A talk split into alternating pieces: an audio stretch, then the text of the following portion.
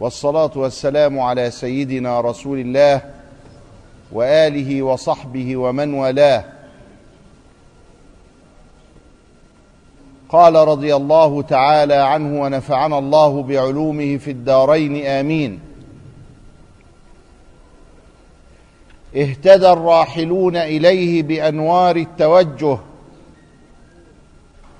والواصلون لهم أنوار المواجهة. فالأولون للأنوار وهؤلاء الأنوار لهم لأنهم لله لا لشيء دونه. قل الله ثم ذرهم في خوضهم يلعبون. يعني الخلق مراد ومريد. فإذا كان الإنسان مريدا لله سلك طريقه وترك زخارف الدنيا وخلى قلبه من القبيح وحلى قلبه بالصحيح وأحسن نيته لله. وأعلى همته في السلوك إليه سبحانه وتعالى. فارتحل وهاجر من مواطن سخط الله إلى مواطن رحمته ورضاه. هؤلاء رضي الله عنهم. وهؤلاء هم الراحلون إليه. وهؤلاء هم السالكون في طريقه. إلا أنه إذا من الله على السالكين والراحلين والمهاجرين في سبيله جعلهم في مرتبة ورضوا عنه. فإذا رضوا عن الله سبحانه وتعالى فما ذلك إلا أنهم من قبيل المراد فتحول السالك من سلوكه وصبره على الطريق من كونه راحلا إلى كونه واصلا. فإذا وصل فإن الأنوار كانت تهل عليه في الطريق إلى الله فكانت للأنوار. النور في الطريق يسير الإنسان فيدخل فيه فهو للأنوار سائر. وللأنوار داخل. أما إذا وصل فإن النور هو الذي يسعى إليه. فيتحول من الفاعل إلى مفعول ومن مريد إلى مراد ومن سالك إلى واصل. فيقول على هذه الحقيقة في مرتبة أولئك الصالحين أن هناك راحلا وهناك واصلا. الراحلون اهتدى الراحلون إليه بأنوار التوجه. النور بعيد وهم يسعون إليه. ومن لذته وحلاوته وضيائه وبركته يرغبون فيه. وبالرغم من ذلك إلا أن هذا النور ليس هو الله بل هي لذة العبادة وحلاوة الطريق وبركة السلوك. حتى هذه يتخلص منها الواصلون. فتأتيهم ولا يأتونها. وتتنزل عليهم ولا يطلبونها لأنهم إنما طلبوا الله وحده. فارتفع الحجاب حتى حجاب الأنوار وكشف الأسرار في الملك والملكوت ارتفع عن قلوبهم. لا يريدون إلا الله ولا يعرفون إلا الله ولا يتوصلون إلا إليه. فعبر عن هذا بذلك القول الجميل اهتدى الراحلون إليه بأنوار التوجه والواصلون لهم أنوار المواجهة.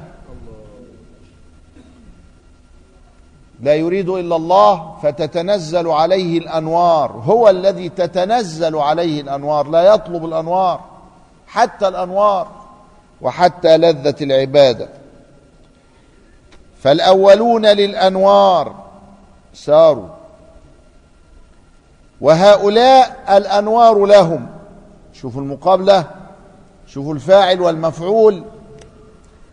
لأنهم لله لا, لا لشيء دونه. يعني حتى العبادات هي أدون من الله وهي وسيلة توصل إلى الله. وحتى الأنوار هي أدون من الله وهي وسيلة توصل إلى الله. وتجذب الراحلين إليه. لكن الواصلين لا يريدون لا أنوارا ولا أسرارا ولا فوائد ولا دعاء إنما هم قد أحبوا الله لله وخلا قلبهم إلا من الله فملك عليهم ربهم نفوسهم وتنزلت على قلوبه على قلوبهم رحماته سبحانه وتعالى وأنواره حتى خرجوا من الرحلة إلى الوصول. قل الله ثم ذرهم في خوضهم يلعبون. قال رضي الله تعالى عنه ونفعنا الله بعلومه في الدارين آمين. تشوفك إلى ما بطن فيك من العيوب خير من تشوفك إلى ما حجب عنك من الغيوب.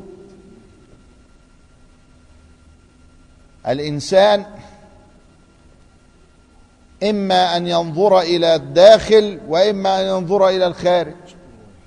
فيقول لك حاسب نفسك قبل أن تحاسب والكيس من دان نفسه وعمل لما بعد الموت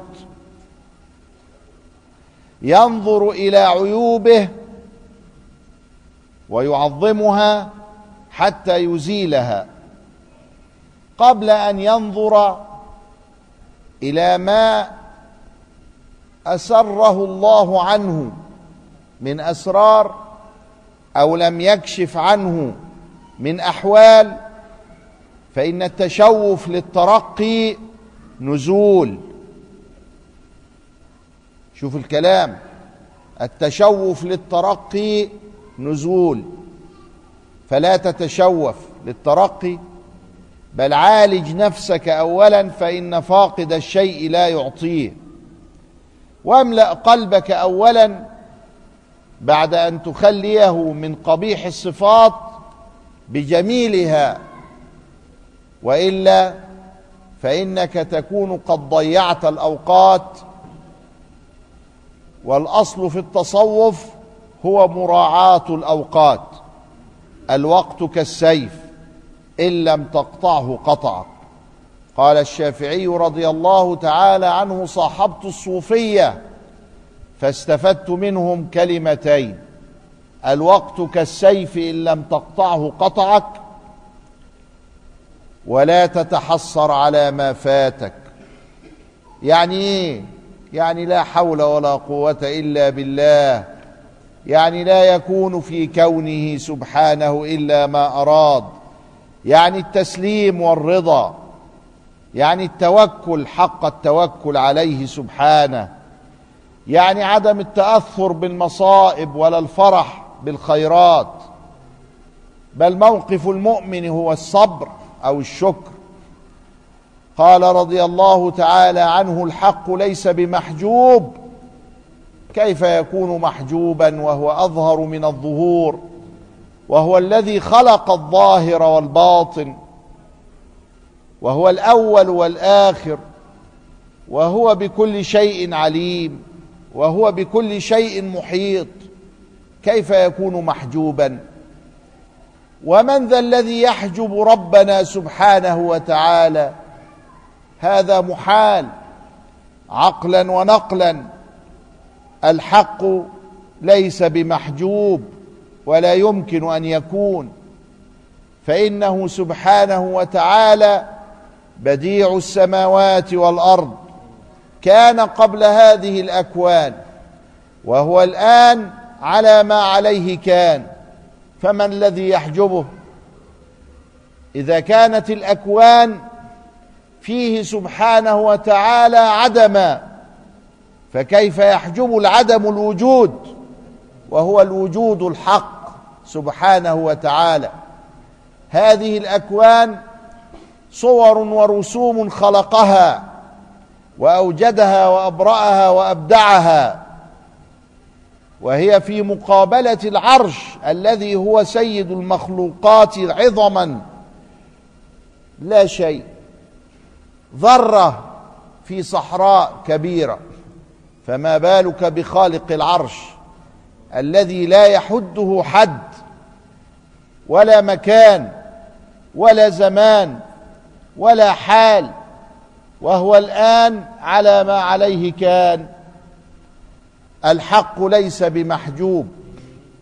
وقولنا سيد الكائنات عظما. أما سيد الكائنات على الإطلاق وهو أفضل من العرش والكعبة وكل المخلوقات هو سيد الخلق صلى الله عليه وآله وسلم. ولذلك يقول أهل الله اللهم صل على عرش استواء رحمانيتك. لأنه صلى الله عليه وسلم يفاخر العرش بعظمته عند الله. قد يدخل على العرش وقد تجلى قهر الله عليه فأسكنه وسكنه أنه أعظم المخلوقات. فيأتي رسول الله صلى الله عليه وسلم فإذ به موصوف بأنه عرش استواء الرحمانية وليس استواء القاهرية كما كان على العرش المخلوق هذا. فمن أفضل؟ بسم الله الرحمن الرحيم ولا بسم الله القهار المنتقم؟ فالجمال قبل الجلال على الأكوان. فسيدنا رسول الله صلى الله عليه وسلم أفضل الخلق أجمعين. قال وإنما المحجوب أنت. الحجاب لما بينك وبين الله يبقى مين المحجوب؟ الله ولا أنت؟ أنت. أنت اللي محجوب في روحك كده. إنما المحجوب أنت عن النظر إليه سبحانه. لكن لو نظرت إليه لا بعين البصر لا تدركه الأبصار وهو يدرك الأبصار. ولكن بعين البصيرة وفي كل شيء له آية تدل على أنه واحد. إذ لو حجبه شيء لستره ما حجبه. وهو الستار لا المستور. فالمستور أنت. ولو كان له ساتر لكان لوجوده حاصر. سبحانه. ووجوده لا حاصر له ولا يستطيع. وكل حاصر لشيء فهو له قاهر. سبحانه. وهو القاهر فوق عباده. اذا فالله هو القاهر لا المقهور. وهو الحاصر للمحصور وهو القوي للضعيف وهو الخالق للمخلوق وهو الذي يأذن بالحجاب أو برفعه لا المحجوب فإنما كل ذلك أنت. قال رضي الله تعالى عنه وقد بين لك مقامك في الدنيا وأنك مخلوق وأنك محصور وأنك محجوب وأنك محتاج إلى رب العالمين. اخرج من أوصاف بشريتك عن كل وصف مناقض لعبوديتك لتكون لنداء الحق مجيبا ومن حضرته قريبا. ما تضيعش وقتك أيها المحصور المحجوب الضعيف المخلوق بل حاول أن تتغلب على كل حجاب وأن ترفع ذلك الحجاب حتى تنظر إلى رب العالمين. اطلب الأنوار راحلا حتى تطلبك الأنوار واصلا. فعليك أن تتخلص من صفات بشريتك التي تعارض عبوديتك. العبودية الطاعة والخضوع. والتسليم لرب العالمين ظاهرا وباطنا فأمرنا بالأركان ونهانا عن الموبقات والذنوب والطمع والشهوات تحرك الإنسان والعجز والكسل يوقع به في المخالفة مخالفة الأمر. أو مخالفة النهي. فلا بد عليك أن تخرج من هذا. ويكون ذلك بثلاثة كما قال أهل الله بالذكر وبالتربية وبالخلوة. أما الذكر فقد قال تعالى فاذكروني أذكركم واذكروني أذكركم واشكروني ولا تكفرون. وقال والذاكرين الله كثيرا والذاكرات.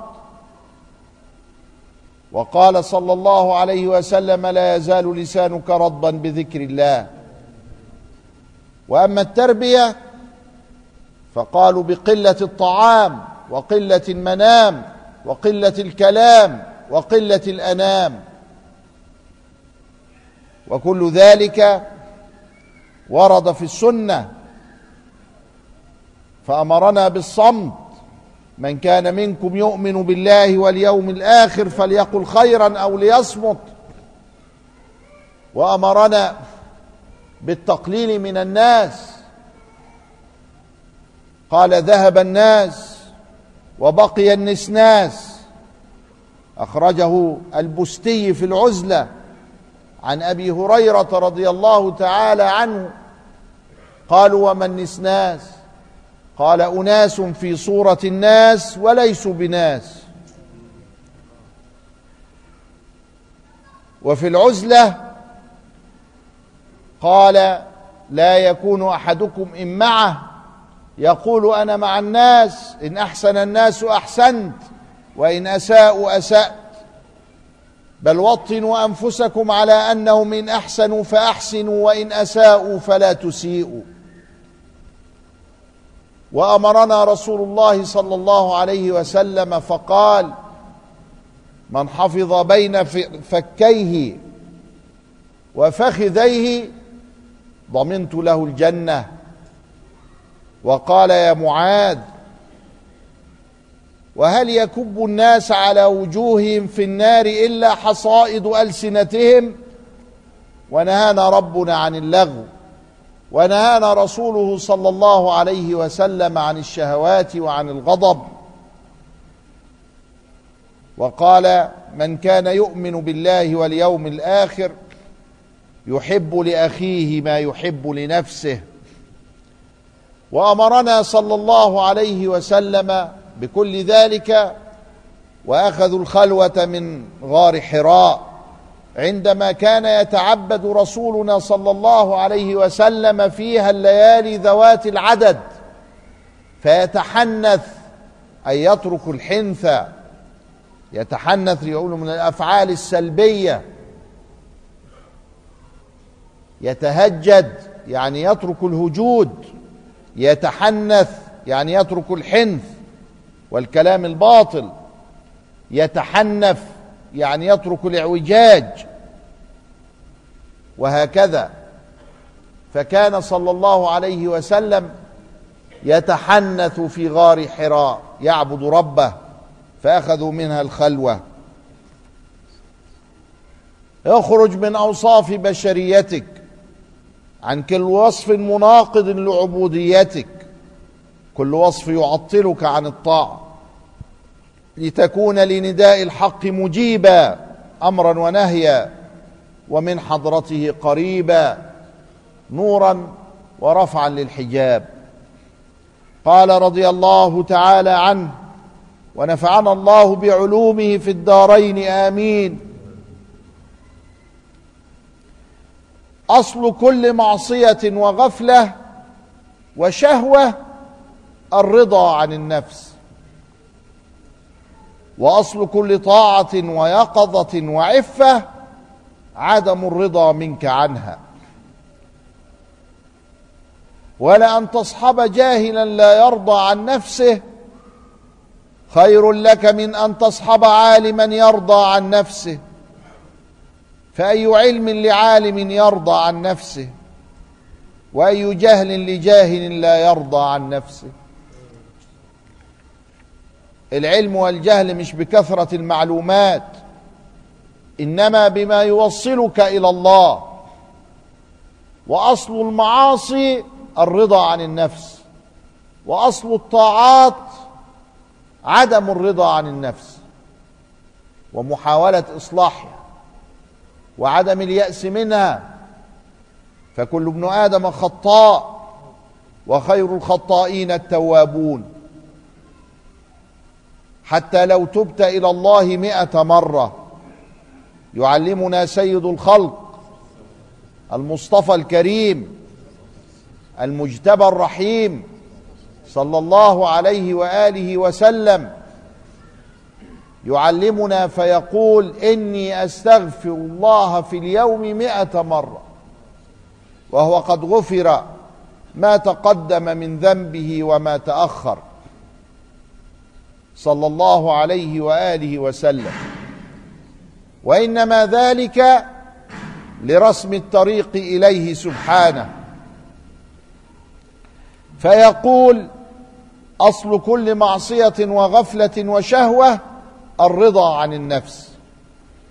فإذا الإنسان لم يرضى عن نفسه تخلص من حجابه وكشفت له أسرار. ولكن يجب عليك أن تستمر في عدم الرضا عن نفسك أبدا إلى أن تلقى الله لا أن ترضى عنها بعد أن أبت إلا نقدها. فإذا نقضت نفسها رضيت عنها فقد وقعت في المحظور الذي منه فررت.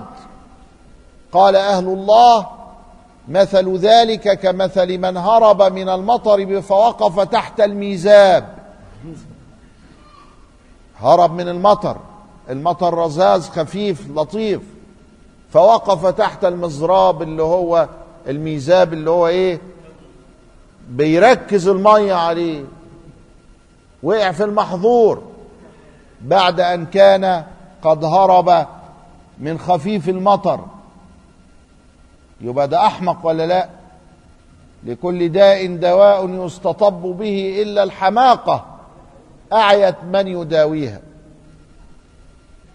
كان بعضهم عندما رأى المشايخ الكبار الذين يعلمون بالنظرة ويربون بالنظرة قالوا لكل داء دواء يستطب به حتى الحماقة لاقت من يداويها.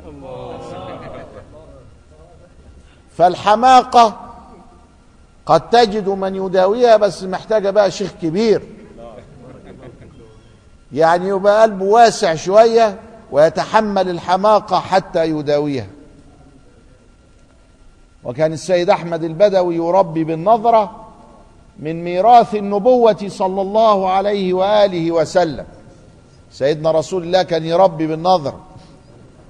فمن رآه النبي مش من رأى النبي لأنه قد يكون ضريرا كابن أم مكتوم. من رآه النبي يقول ابن حجر أحدثت النظرة منه صلى الله عليه وسلم ما استوجب تعديله. يعني النبي لما يبص لك كده يحدث فيك شيء يخليك اسمك صحابي. صحابي يعني عدل عدل يعني ما ينفعش نقدح فيك. قالوا فمن ميراث النبوة سيدنا رسول الله ورث هذا لأمته. عن طريق الأولياء وكبار أهل الله يرثون عنه من بركته شيئا فشيئا. لا يجتمع في ولي منهم ما اجتمع في رسول الله إنما هو كالشمس.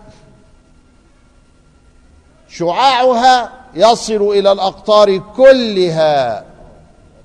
فكل شعاع منه صدر منه إلى ولي من أولياء الأمة ومربيها ومرشديها ووارثيها المحمديين. فأخذوا منه صلى الله عليه وسلم ما تستقيم به الأحوال. منهم من أخذ بعض الكرامات من معجزاته ومنهم من أخذ التربية من النظرة من الحال والخواطر والسلوك والجذبة إلى الله تعالى. فكل ذلك كان في رسول الله صلى الله عليه وسلم لأنه الإنسان الكامل.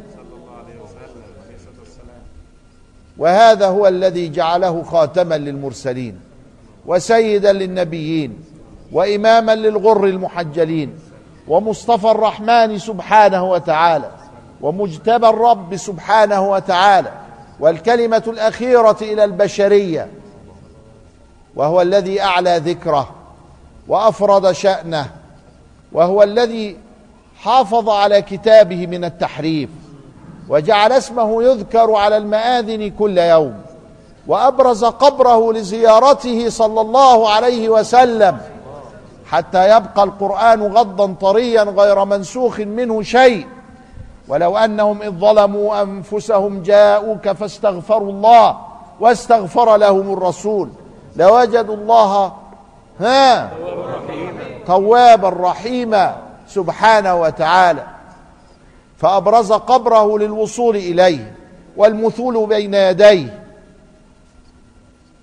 ثم تقول له تبت يا رسول الله فاستغفر لي فيستغفر لك ربك فيغفر لك. ولم يكن لذلك لأحد من الأنبياء قبله وأبقى أهل بيته الكرام. عنوانا على وجوده حسا كما أنه كان موجودا في زمنه فإنه موجود عبر القرون وما زال نبيا ورسولا إلى أن يدخل الجنة. اللهم احشرنا تحت لوائه. عمر بن الخطاب قالوا له يهودي في المدينة قبل أن يجليهم منها. يكشف ما وراء الكثيف يعني بيشوف من وراء الحيطة. قال بلاش زيطة. ما إحناش عايزين زيطة. فجاب السيف بتاعه يروح يقتله. خبط الباب. قال يا عمر جئت لتقتلني. متوشحا سيفك. شاف السيف وهو مخبيه من ورا ظهره كده معاه. قال له طب افتح ولك الأمان. والناس دي كانت لما تقول لك الأمان يعني لك الأمان ما فيش غدر ولا خيانة. كانوا نبلاء كانوا أتقياء كانوا رجالا والرجال قليل. فتح له قال له أنا مستخسرك في اليهودية. يهودية إيه اللي أنت عليها؟ ما تسلم. وبعدين انت وصلت للمرتبة دي إزاي؟ بتذكروا عندكم حاجة ولا سر ولا حاجة؟ قال له ابدا. ما عرضت شيئا منذ ثلاثين عاما على نفسي فأرشدتني إلى شيء إلا خالفتها ففعلت عكسه. يعني يقول أنا نفسي أروح الحتة الفلانية. يقول خلاص ادام نفسي يبقى ما اناش رايح نفسي آكل دلوقتي. أدام نفسي يبقى مش واكل. أنا عايز دي ما دام عايز يبقى بلاش منها. وحاطط يا عيني نفسه تحت الجزمة. فلا أروحه في الحالة دي. قال له طب خسارة. خسارة بعد كله ده. وربنا خلاك قلبك رقيق وكذا. تدخل النار. ما تسلم. قال له طب سيبني شوية. يومين ثلاثة جه وأسلم. قال له ليه ما أسلمت؟ قال عرضت الإسلام على نفسي فأبت فأسلمت.